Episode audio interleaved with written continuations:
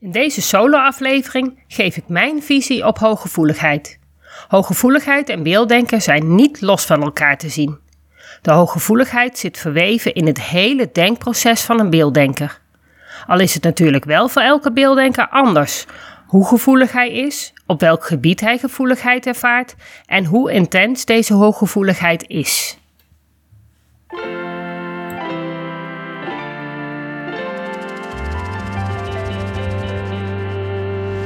Welkom bij de Beelddenkers Podcast. Ik ben Natasja Esmeijer van Beeldig Brein en de schrijfster van het boek Beelddenkers als kwartjes vallen. Ik neem jullie mee in de wereld van de beelddenkers. Beelddenkers zijn creatieve, intelligente en zorgzame mensen, maar ze hebben moeite met onze vluchtige, snelle maatschappij. Dat begint al op school en het werkt door in het werkende leven. Ik ga in gesprek met leerkrachten, ouders van beelddenkers en met de beelddenkers zelf natuurlijk.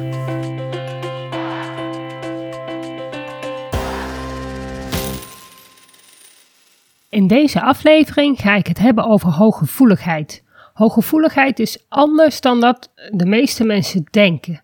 En in een, het maakt nogal uit of dat je hooggevoelig bent met een linksbrein of met een rechtsbrein. Hooggevoeligheid, wat is dat eigenlijk? De meeste mensen die um, horen van hooggevoeligheid denken daarbij eigenlijk aan het fenomeen dat je um, snel geraakt bent door uh, vervelende berichten, door mooie muziek, door uh, nou ja, op een begrafenis, als er iets ergs gebeurt, uh, zielige films. Maar um, de beleving van hooggevoeligheid is voor heel veel mensen anders. Um, als je een taaldenker bent, dan kun jij bij bepaalde situaties kun jij inderdaad jouw gevoel voelen. En kan dat, kan dat ervoor zorgen dat de tranen in je ogen springen, uh, dat je je vervelend voelt, dat je uh, misschien heel blij bent. Um, maar als jij een rechtsbrein hebt als beelddenker, dan is jouw hele denkproces al veel meer bezig met gevoel.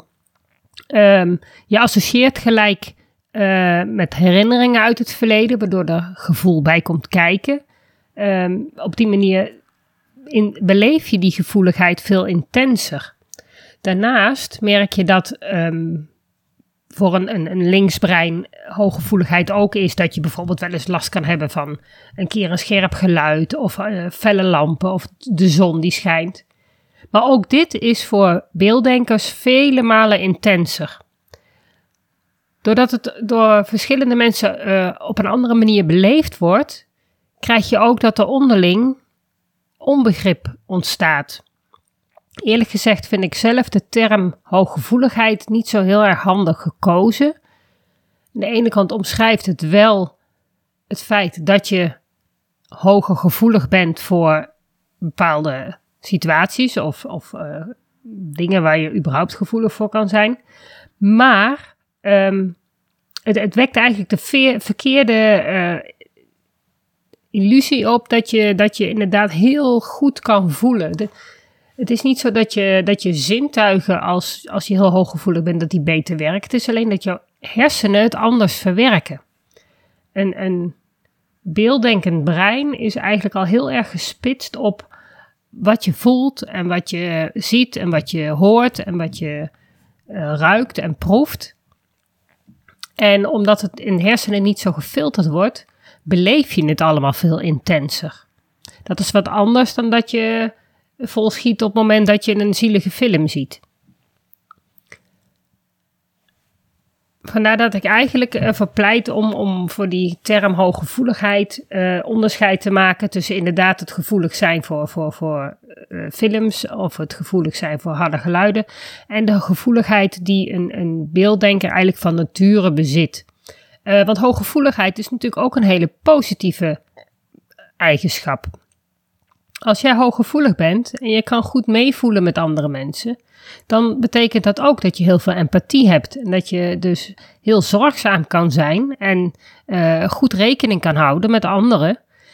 En wat het ook kan betekenen is dat als jij een rechtsbrein hebt en je dus alles heel intens beleeft, dat je dus ook heel intens kan genieten van alle mooie dingen in het leven. En aangezien in onze drukke, snelle maatschappij de taaldenkers het nog steeds voor het zeggen hebben, is er niet altijd evenveel ruimte voor de beelddenkers om te genieten en te waarderen dat er zoveel mooie dingen zijn in het leven. Ze moeten er eigenlijk te snel doorheen, uh, omdat ze zoveel voelen en zoveel uh, meekrijgen. Is het hoofd ook sneller vol en hebben ze eigenlijk niet de tijd om al die indrukken te verwerken, waardoor ze juist nog voller lopen en uiteindelijk met een burn-out thuis komen te zitten.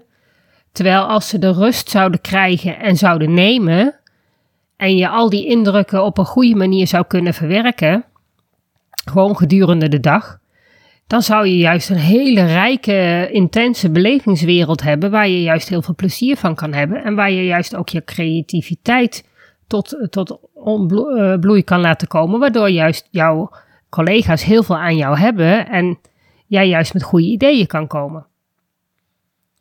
Maar omdat uh, taaldenkers en beelddenkers eh, de hooggevoeligheid op een hele andere manier beleven, is, is dat onderling uh, respect en onderlinge begrip is, is vaak niet aanwezig. Je merkt het eigenlijk al als, als baby's net geboren zijn, dan merk je al of dat jij een hooggevoelig kind hebt of niet. Als je zelf een taaldenker bent en niet zo veel met gevoel hebt, zul je dat misschien niet altijd in jouw kindje herkennen. Maar de meeste uh, beelddenkers beginnen als baby echt al heel gevoelig. En dan is het vooral gevoelig voor uh, licht, maar ook gevoelig voor heel veel verschillende visite. Al die verschillende gezichten, die zijn best heel beangstigend, want ze moeten steeds weer wennen aan iets nieuws. Um, de, de, hele veranderende omgeving is, is iets waar ze aan moeten wennen. Uh, ze kunnen heel gevoelig zijn voor, uh, voor, voor, stoffen in hun voeding. Dus ook wat, wat de moeder eet, dat wordt door de moedermelk doorgegeven. En daar kunnen ze ook heel snel last van hebben. Het zijn vaak de kinderen die je dan met hypoallergene babyvoeding moet uh, voeden. Omdat ze gewoon anders vaak eczeem krijgen of darmkrampjes of heel veel huilen. Sowieso kunnen hooggevoelige baby's heel veel huilen omdat ze gewoon overprikkeld zijn. Het is echt al met, met vier maanden aan te tonen of een, of een baby uh, hooggevoelig is of niet. Er zijn ook onderzoeken naar geweest met, met kinderen, die, hoe snel ze overprikkeld zijn. En dat is echt al heel vlug kun je dat, kun je dat echt zien. Op het moment dat je dus merkt dat jij een hooggevoelig kindje hebt, is het zaak dat jij de, de wereld om het kind heen een beetje aanpast.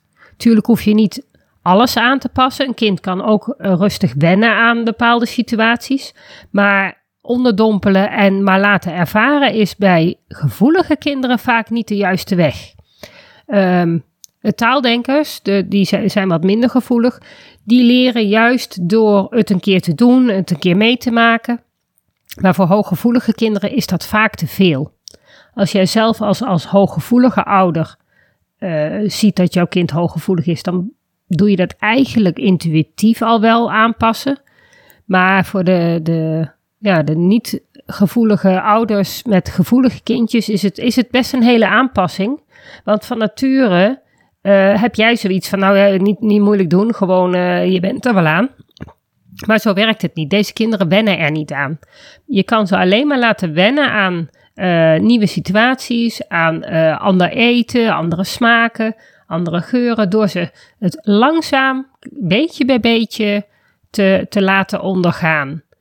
Uh, ga je bijvoorbeeld, heb je, heeft je kindje al een drukke dag gehad, is dat bijvoorbeeld bij het kinderdagverblijf geweest, ga dan zelf eerst naar de winkel en ga niet eerst je kind ophalen voordat je naar de winkel gaat. Jouw kind vindt het gewoon te veel in een supermarkt. Er zijn zoveel lichten, er zijn allemaal kleuren, er zijn allemaal mensen, er zijn allemaal geluiden. Dat is, dat is zoveel voor zo'n klein brein, dat ik kan gewoon veel te veel zijn. En vervolgens zit jij thuis met een, een huilend, krijzend kind, wat helemaal overstuur is. Terwijl als jij het kind thuis laat terwijl jij boodschappen laat doen. Gaat boodschappen doen tijdens het slaapje of nog voordat je het ophaalt. Of uh, je doet het wanneer je man weer thuis is. Of je vrouw natuurlijk. Dan uh, helpt dat voor jouw kind om te zorgen dat de prikkels die die overdag krijgt, dat hij die kan verwerken. Want het is vaak te veel. Het is niet zo dat ze bepaalde situaties niet aankunnen, maar als er te veel situaties zijn, dan kunnen ze het gewoon niet meer bijbenen. Dus dat is wel een tip die je, die je echt te harte moet nemen. Op het moment dat jij een hooggevoelig baby of klein kind hebt, zorg dat het niet te veel is. Zorg dat er rustmomenten zijn op een dag, dat het kind rustig alles wat het heeft beleefd, heeft kunnen verwerken. En daarna staat het echt wel weer open voor ook spannende dingen, want het is niet zo dat ze niet van spannende dingen houden. Het kan hooguit te veel zijn. Ehm, kinderen op de lagere school, die zullen merken dat zij een andere denkwijze hebben over vriendschap. Zij zullen uh, er last van hebben dat zij bijvoorbeeld met andere kinderen meeleven. Uh, als het vriendinnetje een standje krijgt, ja, dan voel jij je ook rot.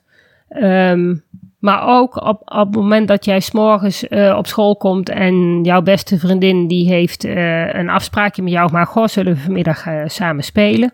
Ja, dat is goed, leuk. En het eind van de dag, als, als er dan gespeeld moet worden, heeft het vriendinnetje toevallig een ander kindje gezien. En denkt, oh, dat is ook leuk. En is jouw speelafspraak al lang vergeten.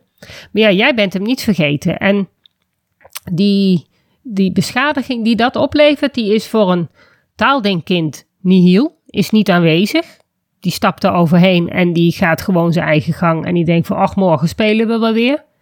Terwijl voor een hooggevoelig kind kan dat best een hele grote stap zijn.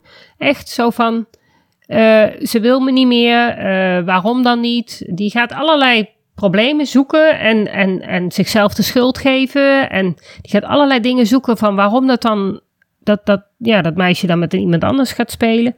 En denkt er niet over na dat dat andere kind helemaal die gedachten niet heeft. Dat is het grote stuk waar het eh, vaak fout loopt, is dat iedereen daar een andere beleving over heeft. Uh, taaldenkers die zullen echt niet. Uh, die, ja, als je niet weet hoe een ander denkt, kun je er ook geen rekening mee houden. En vooral bij kinderen is dat verschil nog heel erg groot. Um, zodra een kind een puber wordt, kun je er natuurlijk wat makkelijker met het, uh, mee over praten. Het, waar ik heel erg tegenaan loop is dat als jij, zeker als je jongens hebt, mannen ook wel trouwens, die willen sowieso per definitie niet hooggevoelig zijn. Want ja, dat kan natuurlijk niet. Mannen zijn stoer, mannen die zijn vooral niet hooggevoelig. Dus um, daar gaat het dus ook weer fout met uh, de definitie van hooggevoeligheid. Uh, ze hebben eigenlijk niet in de gaten wat hooggevoelig is en associëren dat dus weer met uh, in huilen uitbarsten als je een zielige film ziet. En daar willen ze zich niet mee associëren. Dus ja, dat, dat, daar heb je altijd even een, een, een uh, hobbeltje te gaan.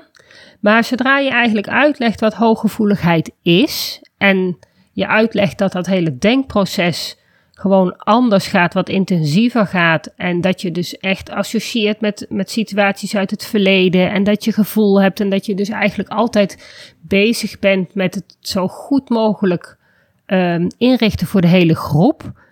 Um, zodra je ze dat eigenlijk doorhebben, dan draai je ze vaak bij. En dan, dan zie je ineens van, oh, ik ben toch wel hooggevoelig.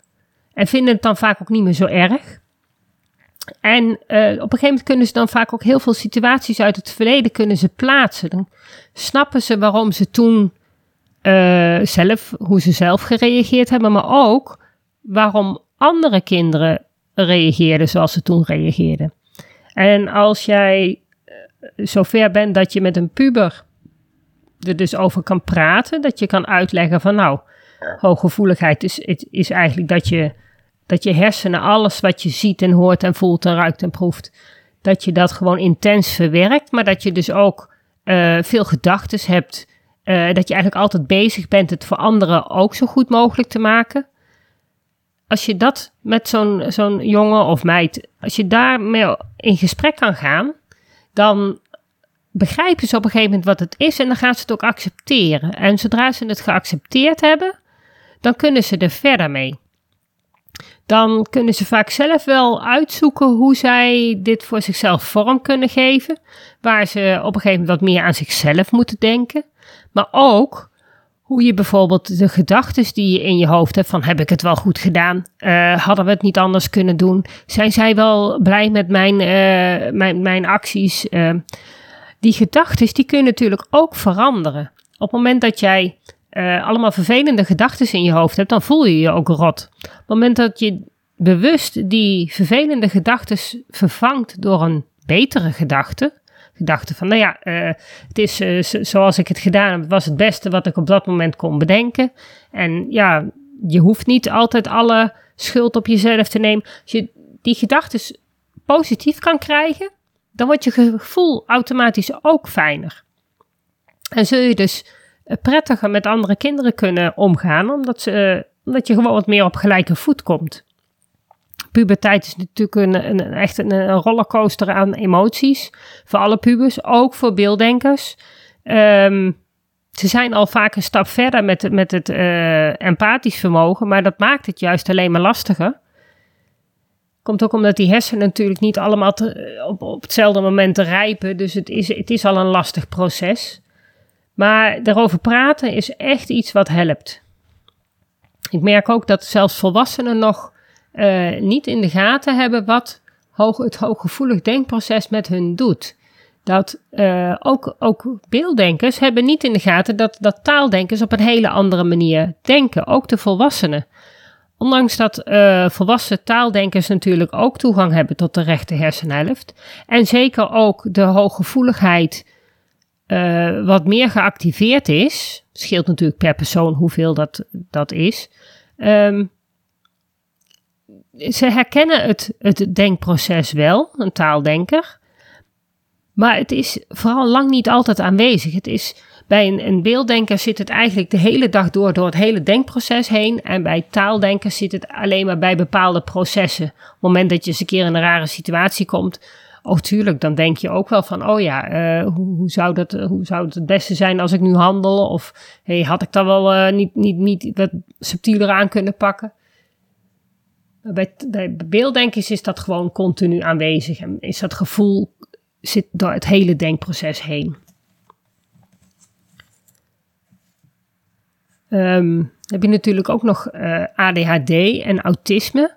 Autisme wordt eigenlijk gekenmerkt door uh, mensen die, die heel uh, rigide zijn in hun denkwereld. Dus ze hebben eigenlijk één denkproces waar ze heel erg op gespitst zijn. En de andere kant is dat ze eigenlijk weinig empathie hebben. Dat tweede klopt niet altijd helemaal. Het is niet zo dat ze geen empathie hebben. Het is zo dat ze um, sociale informatie niet zo goed kunnen duiden. Het wil niet zeggen dat ze dus niet gevoelig zijn. Ze zijn vaak heel gevoelig, juist heel erg gevoelig, nog gevoeliger dan gewone hooggevoelige mensen. Uh, maar ze kunnen niet heel goed, ze kunnen die sociale informatie er niet uitpikken. Wat het voor hun juist alleen maar beangstigender maakt, omdat ze niet weten welke informatie belangrijk is en eigenlijk dus maar alle informatie belangrijk bestempelen. Uh, wat wat uh, autisme dan wel weer heeft, is dat ze um, hun eigen lichaamsprocessen weer minder kunnen voelen. Dus ze kunnen wel heel goed, heel gevoelig zijn voor licht, voor geluid, voor nieuwe situaties, juist voor sociale situaties. Van sociale druk vinden ze heel lastig om mee om te gaan. Maar hun eigen lichaamsbehoeften, die kunnen ze vaak niet voelen. Dus ze voelen niet dat ze het koud hebben. Ze voelen niet dat ze het heet hebben. Ze voelen niet dat ze honger hebben. Ze voelen niet dat ze dorst hebben. En dat is natuurlijk wel iets waar wij met z'n allen voor moeten waken. Uh, dat deze kinderen natuurlijk wel op tijd eten, op tijd drinken en zich toch wel warm genoeg aankleden. Want het lichaam heeft het misschien niet koud, maar het is wel koud. En verkouden is toch altijd vervelend. Dus, dus je kunt ze dat natuurlijk aanleren. Maar je kan ze ook een beetje oogje in het zeil houden. Dat je ze gewoon een beetje helpt bij dat soort uh, processen. ADHD is, um, ja, dit zijn vaak ook hele gevoelige mensen. Het valt niet altijd op omdat ze zo druk zijn. Maar ze zijn vaak juist heel gevoelig voor de, ja, voor, voor de dingen die zij zelf aanrichten. Hoogbegaafde kinderen zijn natuurlijk nog gevoeliger hoogbegaafde kinderen is alles extra, dus ook de gevoeligheid. Hebben vaak um, ook druk gedrag, omdat ze voelen dat ze het eigenlijk verkeerd hebben gedaan. En dat zelf heel vervelend vinden. En de laatste categorie zijn natuurlijk de, de hooggevoelige kinderen met een hele sterke wil.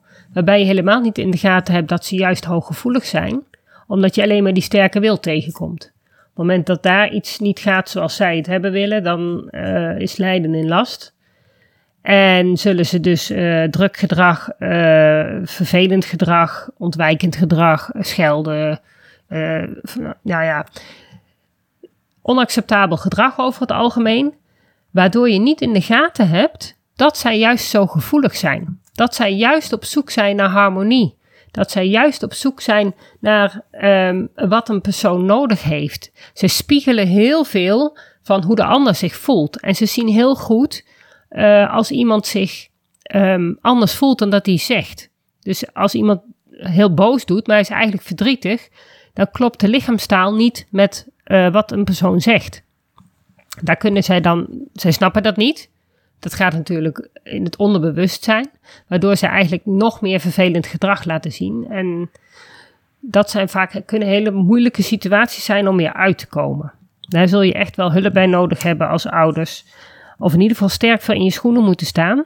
En goed doorhebben wat de onderliggende behoeftes van het kind zijn. En ga dan vooral op die hooggevoeligheid zitten. Ga, ga niet boos worden op het kind, want dat heeft helemaal geen zin. Het kind is eigenlijk al boos op zichzelf.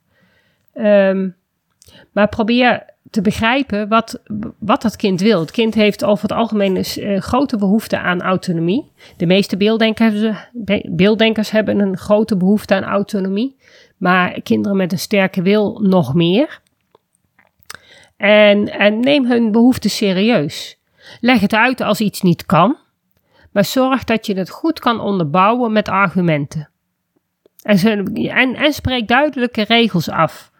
Als jij op een gegeven moment uh, merkt dat jouw kind vaak in de weerstand schiet, maak een paar duidelijke regels tot hier en niet verder. Uh, dit mag jij wel doen, dat mag je niet doen. Dus op het moment dat je je heel boos voelt, mag je niet met de deuren gaan slaan, maar je mag wel het kussen een trap geven. Kussen kan er tegen, die deur niet. Um, als je daar duidelijke grenzen stelt, weet het kind wat het kan doen als hij zich inderdaad heel erg gefrustreerd voelt. Want zo'n kind eh, weet eigenlijk ook niet wat hij met zijn frustratie aan moet. En kan alleen maar huilen, boos zijn, schelden. Uh, nou ja, wat ze allemaal doen. Dus om dat te doorbreken, kun je het beste op, op, een rustig moment. Want op het moment dat zij helemaal in de paniek zijn, dan bereik je ze niet. Alles wat je dan zegt is eigenlijk alleen maar olie op het vuur. Als, het beste kun je ze gewoon in een, uh, in een ruimte zetten waar ze kunnen zijn, waar ze mogen zijn, waar ze geen kwaad kunnen. En even laten uitrazen.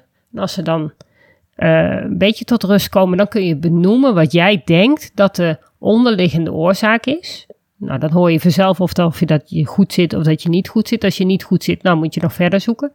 Maar probeer te benoemen wat jij denkt dat de, de aanleiding was van, van een driftbui.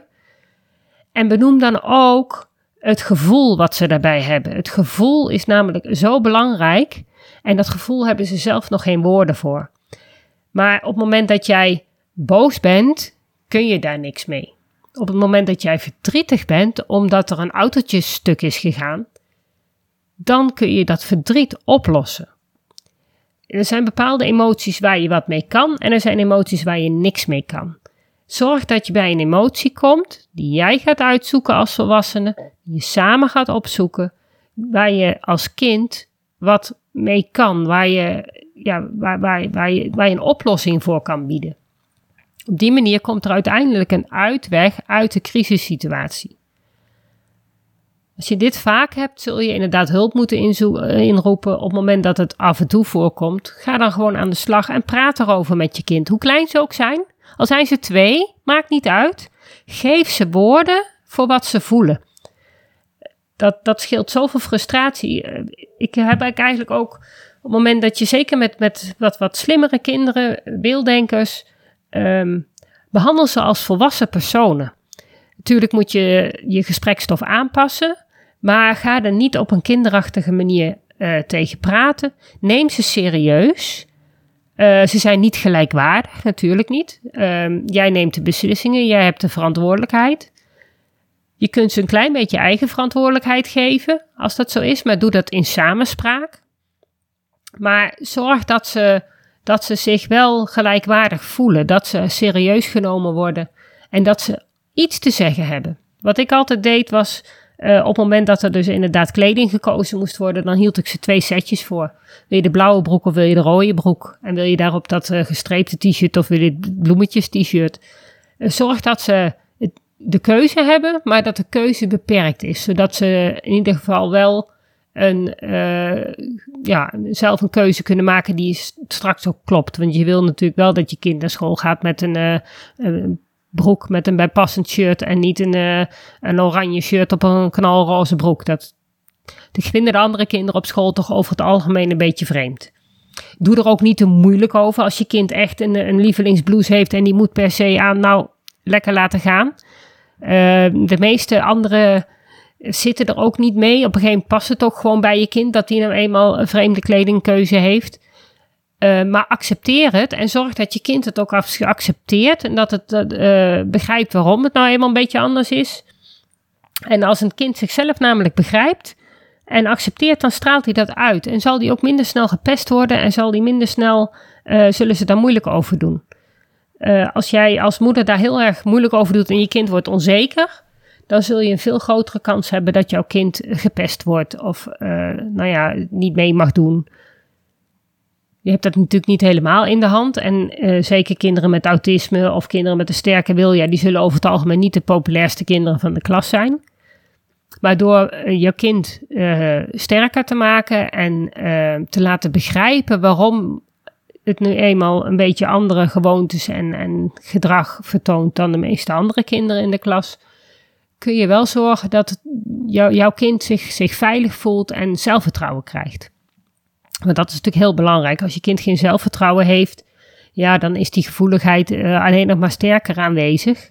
Terwijl op het moment dat jij je veilig voelt en, en het met zelfvertrouwen een nieuwe situatie aan moet gaan, dan heb je ook alle energie en aandacht om je aan te passen aan de nieuwe situatie. Ook al kost jou dat wat meer moeite dan een gemiddeld kind.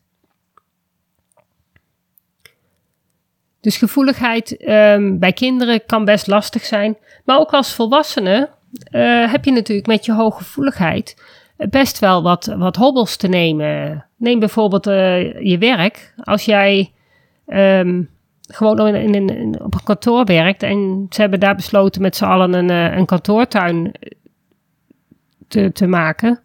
Ja, zul jij je daar ook aan moeten overgeven dat je in een ruimte zit waar best wel veel lawaai is, waar je veel ziet, waar je veel afleiding hebt. Dat kan gewoon te veel zijn. Ik, ik kom heel veel uh, volwassen beelddenkers tegen die inderdaad gewoon maar drie dagen in de week werken, omdat het anders gewoon het hoofd veel te vol raakt en het gewoon niet meer past. Dus zorg ervoor dat je eh, werk vindt en zoekt dat gewoon echt bij jou past. Wat uh, jou genoeg rust geeft, dat jou genoeg rustmomenten oplevert, waar je niet te veel in de drukte zit, waardoor je jouw systeem niet steeds overbelast. Als jij leuk werk hebt waar je gewoon uh, je rustmomenten kan pakken, dan kun je eigenlijk hele bergen verzetten. Niet zodat je niet beter, ja, beter niet kan gaan werken of zo, want werken geeft juist ook heel veel voldoening. Maar soms kan het wel zijn dat het gewoon even wat minder kan. Moet natuurlijk financieel haalbaar zijn, maar zorg dan in ieder geval, probeer zoveel mogelijk te zorgen voor werk wat, wat, ja, wat jouw lichaam aan kan. Dat scheelt stukken. Um, het, klinkt allemaal heel uh, negatief, vind ik zelf altijd, maar dat is het eigenlijk helemaal niet. Want ik persoonlijk, ik ben ook wel hooggevoelig, ik ben geen beelddenker, maar ik ben soms zo jaloers op beelddenkers, want het voordeel van die hooggevoeligheid is ook dat je, dat je heel erg kan genieten van dingen als massage, als mooie muziek, lekker naar de zee, een, een, een bos dat zo heerlijk ruikt. Een beelddenker geniet daar vele malen intenser van dan een taaldenker. En dat is zo jammer dat je dat van elkaar niet kan beleven. Want ik hoor soms verhalen van mensen die gewoon zoveel mooie dingen beleven in hun hoofd. Dat ik denk van ja, oh, dat zou ik ook wel willen. Maar ja, dat gaat nou helaas niet. En ook het, voordeel van een hooggevoelig persoon is aan de ene kant als nadeel dat je natuurlijk vrij snel uh, dat het te veel wordt en dat je er last van hebt en je vol hoofd krijgt en te veel beelden in je hoofd en je gaat denken en je gaat malen. Maar aan de andere kant dat je dus ook uh, heel veel therapieën tot je beschikking hebt, zoals uh, mindfulness of massage of aromatherapie. Wat heel goed werkt bij een overbelast brein. Dus aan de ene kant zit je inderdaad sneller vol, maar aan de andere kant zijn er ook heel veel technieken en, en dingen waarbij je dus ook jezelf makkelijk heel goed kan ontspannen. Waarbij je dus dan op dat moment ook wel heel veel plezier aan kan beleven. Want een heerlijke massage is natuurlijk heerlijk als je daar gewoon lekker ontspannen van wordt. Dan kun je er ook intens van genieten. En ook dat is bij een hooggevoelig persoon vele malen intenser dan dat een, een, een taaldenker dat ondergaat. Dus probeer ook de goede kanten van de hooggevoeligheid te zien, want die zijn er zeker. Je bent heel alert op kleine veranderingen in bijvoorbeeld een, uh, een interieur. Je kan, daar kun je dus ook gebruik van maken. Jij bent heel goed om iets gezellig in te richten, want je voelt gelijk de sfeer, je voelt gelijk uh, of het goed staat, of dat het allemaal bij elkaar past. Gebruik daar, dat, gewoon. Dat, dat, al die creativiteit, die heb je niet voor niks. Dus die kun je ook gewoon inzetten. Dus ik vind persoonlijk hooggevoeligheid, het is nogal een, um, ja, niet, niet helemaal uh, tot zijn recht komende eigenschap. We zouden veel meer um, de hooggevoeligheid moeten vieren en uh, daar, daar rekening mee moeten houden, zodat we ook daarvan kunnen genieten. Dat was het weer voor vandaag. Bedankt voor het luisteren en superleuk dat je erbij was. Ik hoop dat je weer een beetje meer ontdekt hebt hoe gaaf, maar ook hoe lastig het kan zijn om een beelddenker te zijn in een wereld die is ingericht voor taaldenkers. Wil je meer weten? Lees dan mijn boek Beelddenkers als kwartjes vallen. Wil je op de hoogte gehouden worden van alle informatie die ik deel over beelddenkers in het onderwijs? Klik dan op de abonneerknop in je podcast-app. Wil je dat dan meer mensen op de hoogte zijn van hoe beelddenkers anders denken? Laat dan een review achter, zodat er steeds meer mensen in beweging komen om het beelddenken serieus te nemen. Heb je nog tips of vragen? Of ben jij of je kind een beelddenker en wil jij je verhaal delen? Laat het me gerust weten. Wil je als ouder of leerkracht echt weten hoe het allemaal werkt bij je kinderen of bij jezelf? Kom dan naar een van de cursussen. Duik helemaal in het onderwerp en kom erachter dat beelddenkers helemaal niet zo anders zijn en best in ons onderwijssysteem passen, als je maar weet hoe ze denken. Ik geef speciale cursussen voor ouders en voor professionals. Voor meer informatie ga je naar www.natasjaesmeijer.nl. Samen gaan we voor een beelddenkvriendelijke wereld.